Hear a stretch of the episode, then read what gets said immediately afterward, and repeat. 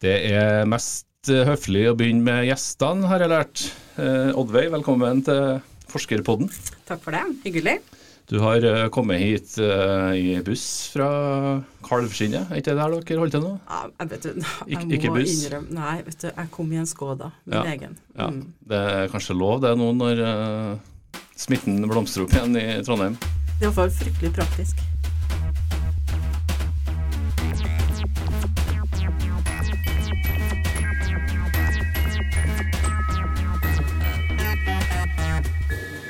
Podkasten du hører på, heter Forskerpodden, som er NTNU Samfunnsforsknings egen podkast. Vi sender som vanlig fra studio på Dragvoll i Trondheim. Navnet mitt er Vegard Smevold. I dag er jeg med meg forskningssjef ved Mangfold og inkludering og kollega av meg i NTNU Samfunnsforskning, Joakim Kaspersen. I tillegg så er Oddveig Storstad her, som er førsteamanuensis ved Institutt for lærerutdanning ved NTNU. Dere to er prosjektledere fra hver deres institusjon, som nå skal samarbeide om en ny skoleevaluering. Dere skal sammen finne ut hvordan det står til med norsk ungdoms kunnskaper om demokrati og medborgerskap. Intet mindre. Hvordan eh, kom det samarbeidet i hop? Det kom i hop fordi at eh, vi er to institusjoner som til sammen er veldig komplementære. Eh, akkurat når det gjelder det prosjektet som vi jobber med nå. Eh, NTNU Samfunnsforskning har en del erfaring med litt sånn større datainnsamling innenfor skole fra tidligere. Jo, så det er ganske sånn strikte system på sånne internasjonale system, eh, og de hadde den erfaringa. Det hadde ikke vi. Eh, vi har lærerutdanning og forsker på eh, skole eh, og ja, utdanning. Så, og det gjør for så vidt også NTNU Samfunnsforskning. Så, så til sammen så er det her miljøet ikke sånn helt ubetydelig skole- og utdanningsforskningsmiljø. Og jeg må jo innrømme det. Det skal jeg komme med en innrømmelse med en gang. Jeg er veldig glad for at vi har med oss NTNU Samfunnsforskning, for akkurat den erfaringa er kjempegod å ha. Eh, For ellers så måtte vi ha lært oss veldig mye fra scratch. Mm, vi skal høre eh, mer om eh, det samarbeidet i dagens podkast. Det dere nå skal samarbeide om, da, er en skoleevaluering. Jeg kalte det det. Og så Rynker vi litt på nesen. litt Ja. på nesa. Hva er det riktig å kalle det?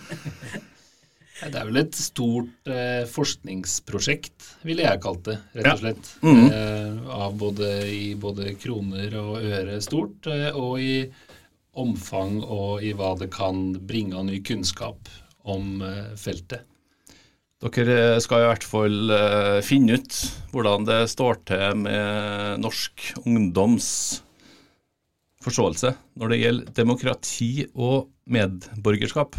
Ja, og, og i det så ligger det på en måte kanskje noe sånn evaluering, og så er det en sammenligning også. For det er jo ikke bare en norsk undersøkelse, det er en stor internasjonal undersøkelse. Eh, vi blir vel en sånn eh, 28-30 land eh, som skal være med nå i neste runde. Sånn at vi skal, et av komponentene, eller En av komponentene i undersøkelsen er at vi skal måle eh, ungdommene, og da snakker vi om 14-åringer, som går på ungdomsskolen, de her elevene, sin kunnskap om og forståelse eh, av demokrati og medborgerskap. I litt sånn vid betydning. Eh, det er det ene vi skal gjøre. Det andre er at vi skal ha mer sånn tradisjonelle spørreundersøkelser. Som, der vi får eh, data om interesse for demokrati og medborgerskap, hvor aktive de er, hvordan de ser for seg også at de vil opptre som mer voksen, hvordan demokrati og medborgerskap også fungerer i skolen.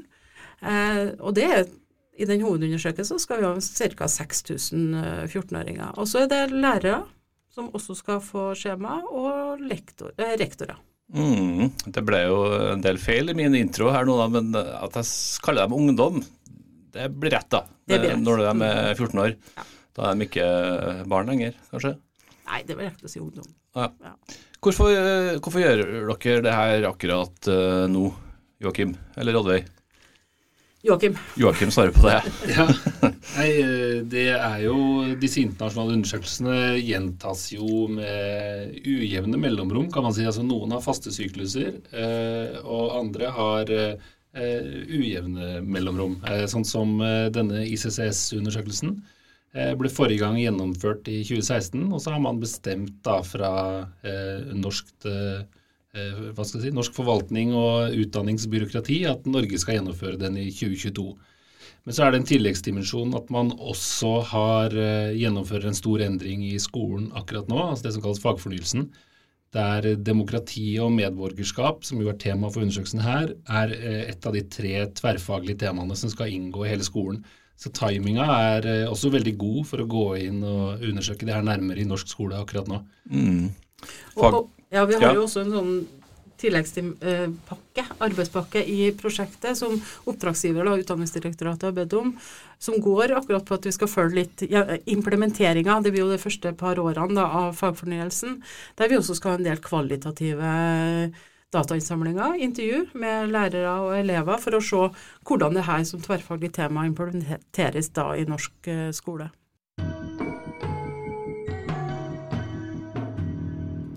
Demokrati og medborgerskap, ja. Jeg syns jo det høres veldig sånn øh, Nesten litt råflott ut. Hvorfor er det så viktig å ha forståelse for de her to begrepene? Ja, det er mange grunner. Eh, men, men, det står sterkt i norsk skole. Eh, og det, med det at det blir et tverrfaglig tema, så blir det gjort enda mer tydelig at det å utdanne neste generasjon samfunnsborgere er det er et kjempeviktig aspekt ved norsk skole. Eh, det er ikke bare å lære seg å regne og skrive og lese og sånne ting, men, men, men, rett og slett å utdanne neste generasjons eh, samfunnsborgere. Og det er klart det er eh, alvor, det.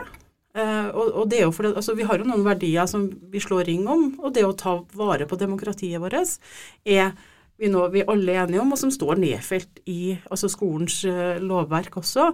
Eh, så, så, det er en helt sentral eh, del av norsk skole, men som kanskje ikke får eh, fullt så mye oppmerksomhet som det fortjener.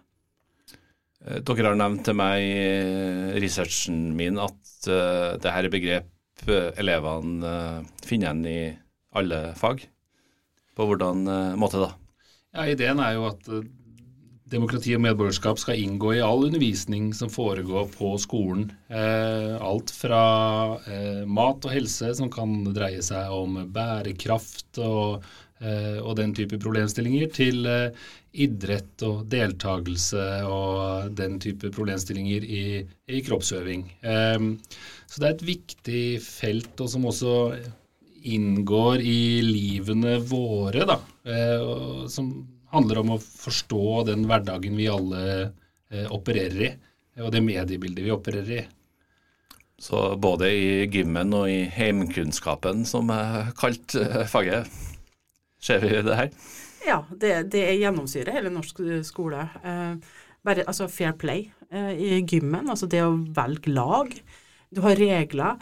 Eh, hele skolen i seg sjøl som institusjon er jo også demokratisk oppbygd, oppbygd.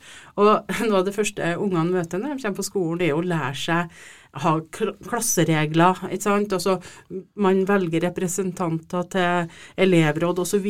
Altså, man, man lærer demokrati og det å være en medborger også gjennom eh, hvordan eh, skolen er organisert og praktiseres. da.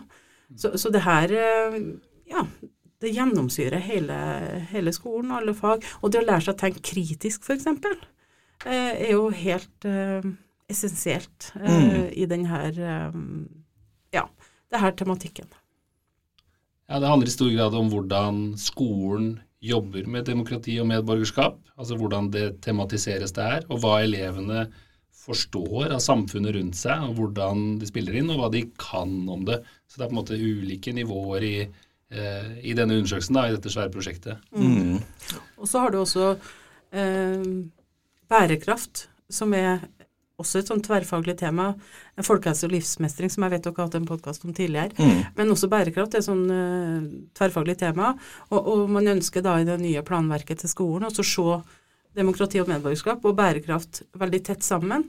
Uh, og det handler om hvordan vi som medborger skal være med og være en løsning på bærekraftsproblemene, enten gjennom atferden vår, altså alt fra å være politisk forbruker i butikken til å samle søppel, til å kildesortere, til å handle brukte klær osv., til mer påvirkning gjennom eh, de tradisjonelle påvirkningskanalene, som det å stemme ved valg. Eller kanskje å aksjonere, lenke seg fast til vindmøller eller hva det skulle være. Og det, det, handler jo om å være eh, en aktiv medborger, og det står det i, planverket til skolen. Det skal skolen utdanne. Mm. Det høres jo mer og mer viktig ut når dere eh, prater om det. Så det er jo bra. ja, sant. Eh, et lite sidespor. Mange har hørt om PISA-undersøkelsen. Og helt til jeg begynte med researchen til denne podkasten, så trodde jeg det hadde noe med den italienske byen med det skjeve tårnet å gjøre. Det har jeg, som jeg har forstått nå, ikke. Hva er det PISA står for? Altså, PISA som Hvorfor har alle hørt om den? Ja, PISA som forkortelse står jo for eh, Program for International Student uh, Assessment, eh, hvis jeg husker riktig. som handler om å måle elevers kunnskap og ferdigheter i lesing, naturfag og matte. Og Dette er en sånn undersøkelse som går med jevne mellomrom, som vi snakka om i stad. At noen er med ujevne, og noen er med jevne mellomrom. PISA er en undersøkelse som er gjennomført eh, av OECD, altså eh, Organisasjonen for økonomisk eh, samarbeid og utvikling, som er en gjør det til et ekstra interessant prosjekt, da, for å si det sånn. Altså Det er et prosjekt som både har en forskningsagenda, men også en helt klar politisk agenda.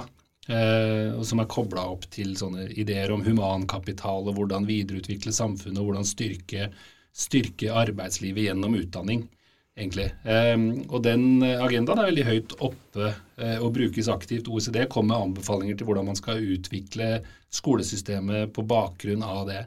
Uh, ICCS-studien sammen med et par andre uh, er ikke en OECD-studie på den måten. Altså, det er i mye større grad et forskningsdrevet prosjekt og et forskerdrevet prosjekt som finansieres og gjennomføres av deltakerlandene.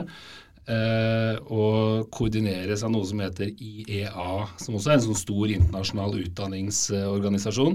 Uh, International Education and Assessment uh, Ja, nå snubler jeg litt i akkurat hva det heter, men det er så mange forkortelser på det feltet her. Mm. Um, mm. Men det er ikke på samme måte et politisk prosjekt, og det er også en interessant undersøkelse fordi den tar for seg de bitene av utdanningssystemet som eh, PISA ikke gjør, ja, eh, og som Oddveig snakket mye om i stad. Mm.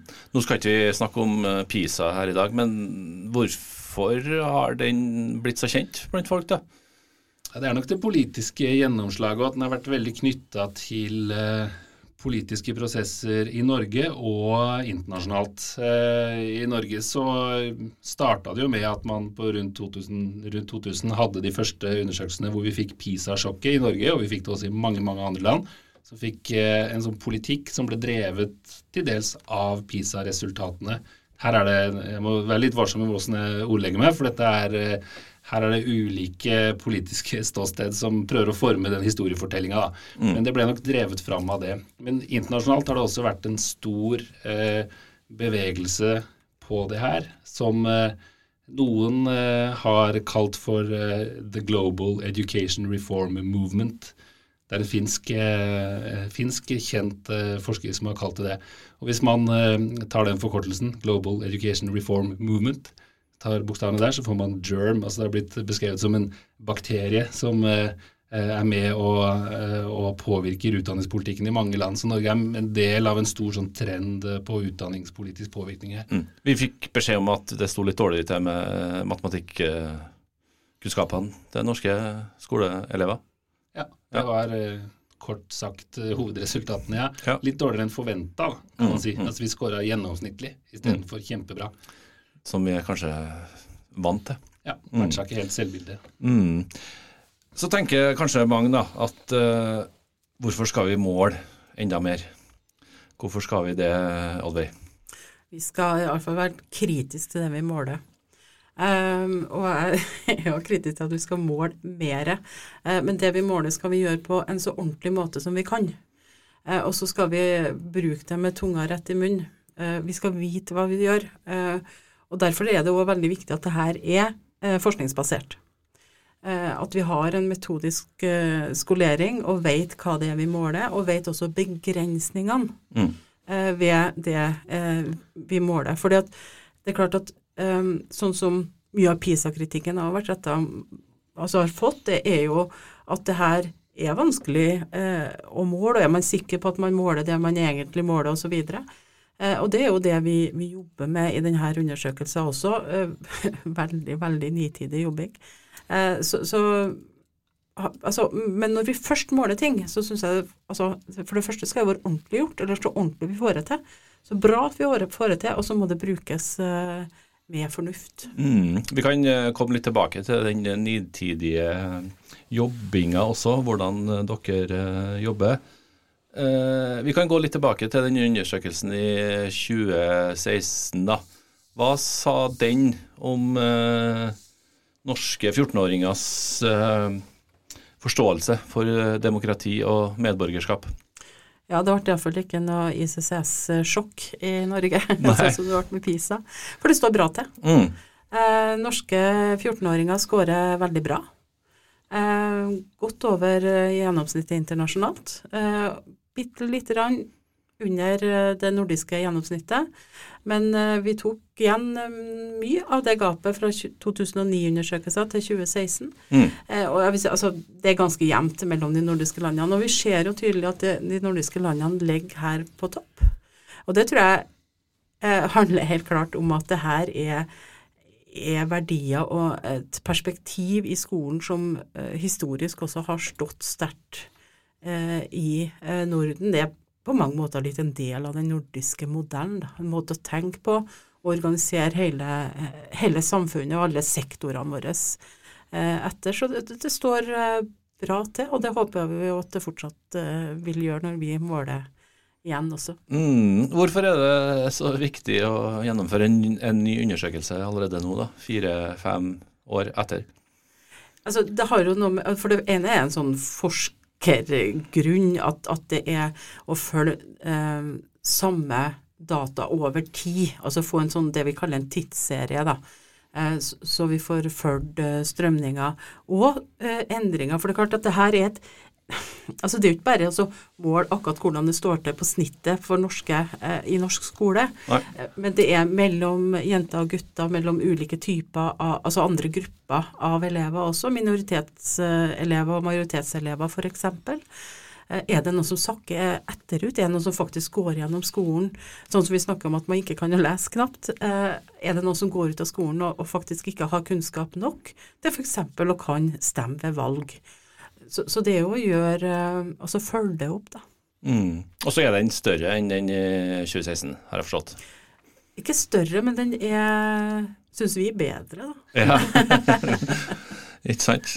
Ja, den er, jeg vet ikke om den er større, det er den vel ikke, men uh, den blir jo stadig utvikla og tilpassa og må stadig justeres til den virkeligheten som uh, forandrer seg fort. da. Eh, verden ser ganske annerledes ut eh, i dag, i 2020, enn den gjorde i 2014, da man planla forrige undersøkelsen. Og når vi kommer til 2022 og skal gjennomføre selve hoveddelen av undersøkelsen, så kan vi være ganske sikre på at vi eh, mye har skjedd siden 2020 også, så det er viktig å oppdatere denne kunnskapen eh, ganske hyppig i en verden hvor omveltningene er ganske raske. Mm. Det med hvordan man, eh, ungdommer forholder seg til nyheter, f.eks. media, har jo forandra seg enormt siden to, bare siden 2009, og fra 2016 også. Og mye av det vi har jobba med på spørsmål, er jo, går jo bl.a. på det. Å bruke ordet fjernsyn, f.eks. vil ikke passe nå lenger. Eh, det var brukt i 2009. Eh, så at, og det er jo et veldig viktig aspekt ved akkurat det med demokrati og medborgerskap. Hvordan tilegner eh, det her ungdommene seg nyheter? Hva leser de? Hvordan følger de med i, i, ja, i det som skjer i samfunnet rundt seg? Da? Mm. På hvordan andre måter har samfunnet endra seg da, på de årene, annet enn at vi ikke sier fjernsyn lenger? Ja, vi har jo noe helt nytt som vi har tatt inn nå, altså bare nå i vår, og det er jo korona. Altså pandemier. eh, og har også lagt inn spørsmål som fanger opp, eh, opp eh, det. fordi at det er klart at her er det mange som har bodd i land der styresmaktene har kommet og gjort ganske inngående inngrep i folks liv, og det handler om demokrati og medborgerskap. Og vil det også være med å forme eller endre eller gjøre noe med de her ungdommene sin syn på, på styresmakta, på staten og sånne ting? Ja, En annen ting er hvordan uh, dette med falske nyheter og hvordan mediebildet påvirkes hele tiden, eh, har blitt en del av eh, hverdagen, egentlig. Men det var ikke så på agendaen for, i forrige runde. Altså Det har på en måte kommet veldig de siste åra, den forståelsen av det som noe viktig og som noe som undersøkes. Så det er også tatt inn i den nye runden av undersøkelsen. Mm. Og så har du en annen ting altså, som jeg tenkte på, som jeg jeg sendte en mail til Joakim, eller jeg ringte deg da når jeg satt og jeg hørte. Altså, det, um, vi har hatt uh, noen episoder, ikke bare i Trondheim, men også i Bergen og Oslo, der ganske unge uh, folk, eller ungdommer, uh, har Feil å si, men altså har kanskje gått løs på politiet. Altså det har vært noen episoder, og der det spekuleres om er det her nå Altså importerer vi på en måte et bilde av det som har skjedd i USA, bildet av politiet. Er det det norske ungdom på en måte tar til seg. Mm, mm. Eh, og så slår det ut på en sånn på ungdommene sitt forhold til politiet. Da. Mm. Eh, og Det er jo sånne ting som vi måler i undersøkelsene våre. så Jeg kjenner jo som forsker at det er jo, det er jo det, noe av det første jeg kommer til å hive meg over. Eh, og se etter om hva som har skjedd med tilliten til politiet, f.eks. Det har eh, vært hendelser her i byen ja. også. Ja. Ser de nyheter kun fra USA, da? så til, bruker de det når de eh, Nei, men, altså, det, det, er globalisert. Rommet. Det er globalisert, ikke sant. Mm, mm. Altså, her, det, det, er ungdommer som kanskje aldri har åpna en papiravis, ikke ser på ja, Dagsnytt. De hører iallfall ikke på Dagsnytt 18. ikke sant? Altså, deres medievirkelighet er YouTube og altså, glo en globalt verdensbilde. da, altså Ting som går viralt, som vi sier. ikke sant? Altså, så, så det er ikke sikkert de vet heller så mye om hvilken utdanning norsk politi har, der det står både etikk og forebyggende på timeplanen. Så, ja. For en som er litt glad i skippertak, så høres jo 2022 ut som eh, ganske lang, lang tid til. Hvordan er det dere konkret uh, jobber uh, fram mot hoveddelen av undersøkelsen som skal foregå i 2022? Ja, Det er ganske mange trinn i en såpass stor undersøkelse. Altså I hovedundersøkelsen skal vi ut i 150 skoler, eh, og da 6000 elever og veldig mange lærere og rektorer osv. Eh, og Fram til det så starta vi i, rett før skolene ble stengt eh, i januar-februar. da, eh, Med litt kvalitative runder på skolene. Testa ut skjemaene, snakka med elever. Eh, testa ut hvordan de oppfatta spørsmål. nettopp og luka ut en del sånne åpenbare rare ting som fjernsyn og sånn. Eh, men også diskuterte med de hvordan vi kunne gå løs på dette annerledes, hvilke andre temaer er viktige. Og nå i høst og i vinter er vi inne i en større pilotdel av undersøkelsen, som også eh, er stor, som er større enn en vanlig undersøkelse i norsk skole, egentlig. Et vanlig prosjekt for NTNU Sanseforskning er ikke så stort som eh, utprøvingsfasen av dette prosjektet. Så vi eh, har kontakta 50 skoler og i dag fått på plass 50 skoler eh, som skal delta i undersøkelsen. Eh, takket være veldig god innsats fra et eh, veldig bra team på NTNU Sanseforskning her.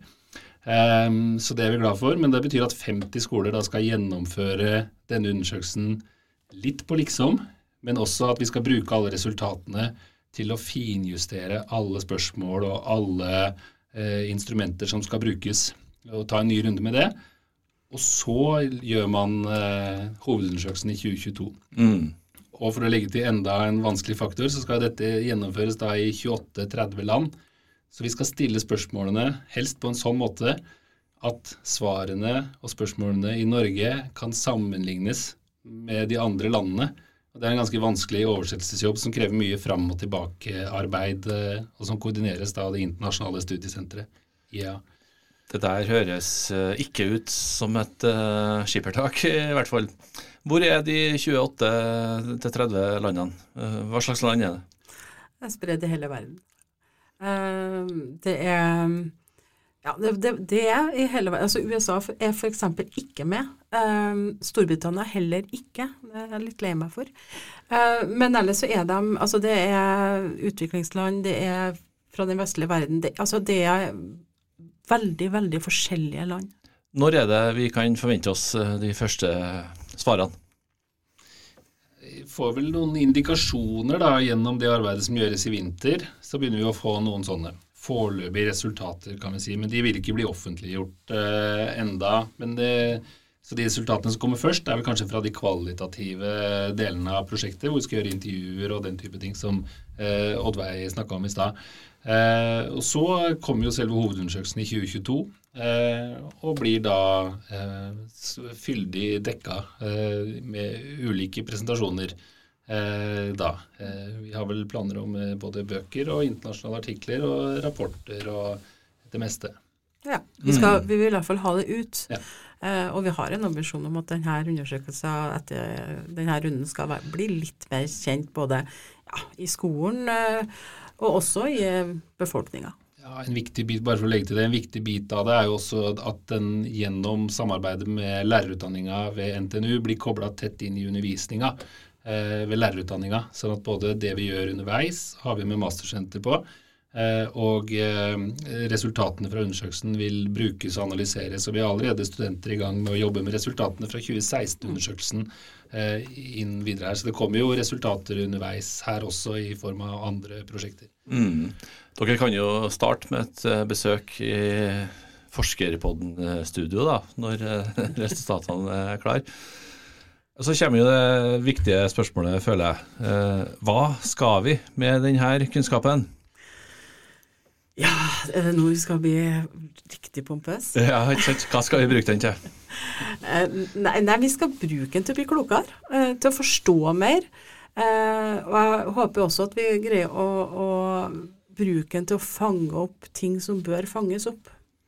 Og, og det er jo det som er noe av tanken vår, da. At det her skal vi bruke aktivt inn i, i undervisninga vår. For vi utdanner Altså NTNU er Norges største lærerutdanning.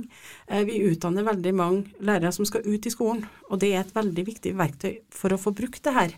Um, og så skal vi også bruke det inn mot andre aktører. Um, så, så, og, og, sånn er jo alltid forskning. altså Noe av det gir oss bare en større forståelse, uh, men, men, det er jo iallfall forhåpninger at det her tas inn, denne kunnskapen, og at den blir brukt ja, også politisk å utforme skolen, at vi lærer noe av det. Mm, så den kan potensielt gjøre noe med både med utdanninga av lærere og undervisninga? Ja, hvordan vi utdanner samfunnsfaglærere. Eh, det snakker jeg jo mye med studentene mine om. Hvilket aspekt er ved, ved det å være medborger er du skal f.eks. Eh, vektlegge de undervisning? Skal du vektlegge det å være høflig og grei bare, eller skal du liksom gå mer på en mer aksjonistisk form for uh, deltakelse.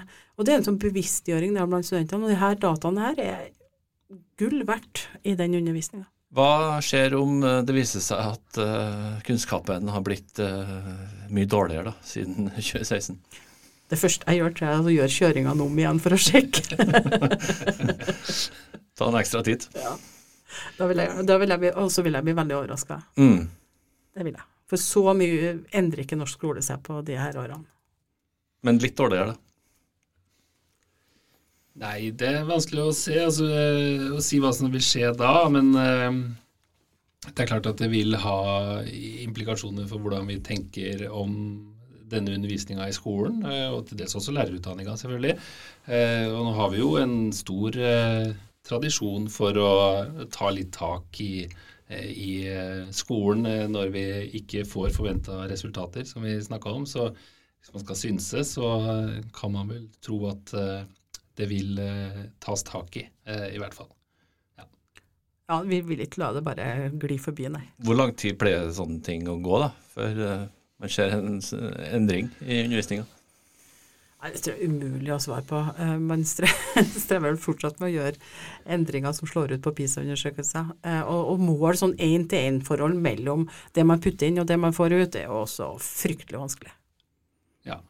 Og det er eh, enda vanskeligere på sånne litt eh, store kategorier som vi snakker om her. da, altså Demokrati og medborgerskap det er jo store ord på et vis. Eh, så det å få til endringer på det feltet tar jo tid. Men, eh, vi kan jo selvfølgelig snakke om hva som skjer hvis det blir eh, dårligere resultater, men eh, fra et forskningsståsted så vil det være interessant å begynne å gå inn i mekanismene bak det. ikke sant? Og grave dypere. Men hva er det som har skjedd her? Hvordan kan vi forklare det? Eh, utover at vi må gjøre analysene på nytt, selvfølgelig, men eh, også grave dypere i mekanismene. Er det noe med eh, måten skolen håndterer disse spørsmålene, noe som ville være overraskende gitt en ny eh, rammeplan for skolen, eh, eller er det andre ting i, i, hverdagen til barn og unge som gjør at dette ser annerledes ut nå da, enn det gjorde i 2016? Så det vil jo være, For forskere så vil jo dette være en eh, stor eh, kilde til eh, interessant forskning, hvis det faktisk skulle gå den veien. ja, Vi du, elsker jo endring. Ja. Altså det skjer noe. Dynamikk. ja. Det må være en forskers drøm, det. Ja, ja, ja. Jeg vet ikke om dere hadde noe mer på hjertet, Oddveig Storstad og Joakim Kaspersen? Nei, vi kan si så langt så er vi eh, vi holder jeg sa i stad at vi har fått 50 av 50 skoler med. Jeg vil bare si at vi opplever en stor interesse for denne undersøkelsen ute i skolen. At det oppleves blant de som eh, vi snakker med, som eh, noe viktig. Eh, som et viktig tema også for skolene å være med i. Eh, så vi var egentlig forberedt på en ganske sånn mm, stor jobb med å rekruttere norske skoler til å delta. 50 skoler er ikke så lett å få med på en undersøkelse. Men det har vært, når vi har fått forklart hvilken undersøkelse det er, hva det handler om og hvor viktig dette temaet er, så har skolene vært veldig positive. Og dermed så har vi fått til en god rekruttering av skoler også. Og, vi er jo veldig ydmyke, og det har vi snakka mye om, at altså, det er jo ikke den eneste undersøkelsen skolen blir bedt om å, å, være med på. Det er vi fullstendig klar over. Så vi har respekt også for skolen og, og lærerne og elevene og, og rektorene sin tid. Så, så, så, så, vi er nok litt sånn takknemlige egentlig også for at de er med. For at uten deres deltakelse, ja, så har det ikke blitt noe data. Vi er helt avhengig av det. Det høres ut som en uh, bra start at uh, eh, 50 av 50 skoler er med på den uh, undersøkelsen som dere mener er den viktigste, da. Det tror jeg. Ja, ja, det er viktigste. Takk til Oddveig og Joakim. Du har hørt på Forskerpodden, som er NTNU Samfunnsforsknings egen podkast. Navnet mitt er Vegard Smevold, og vi høres neste gang.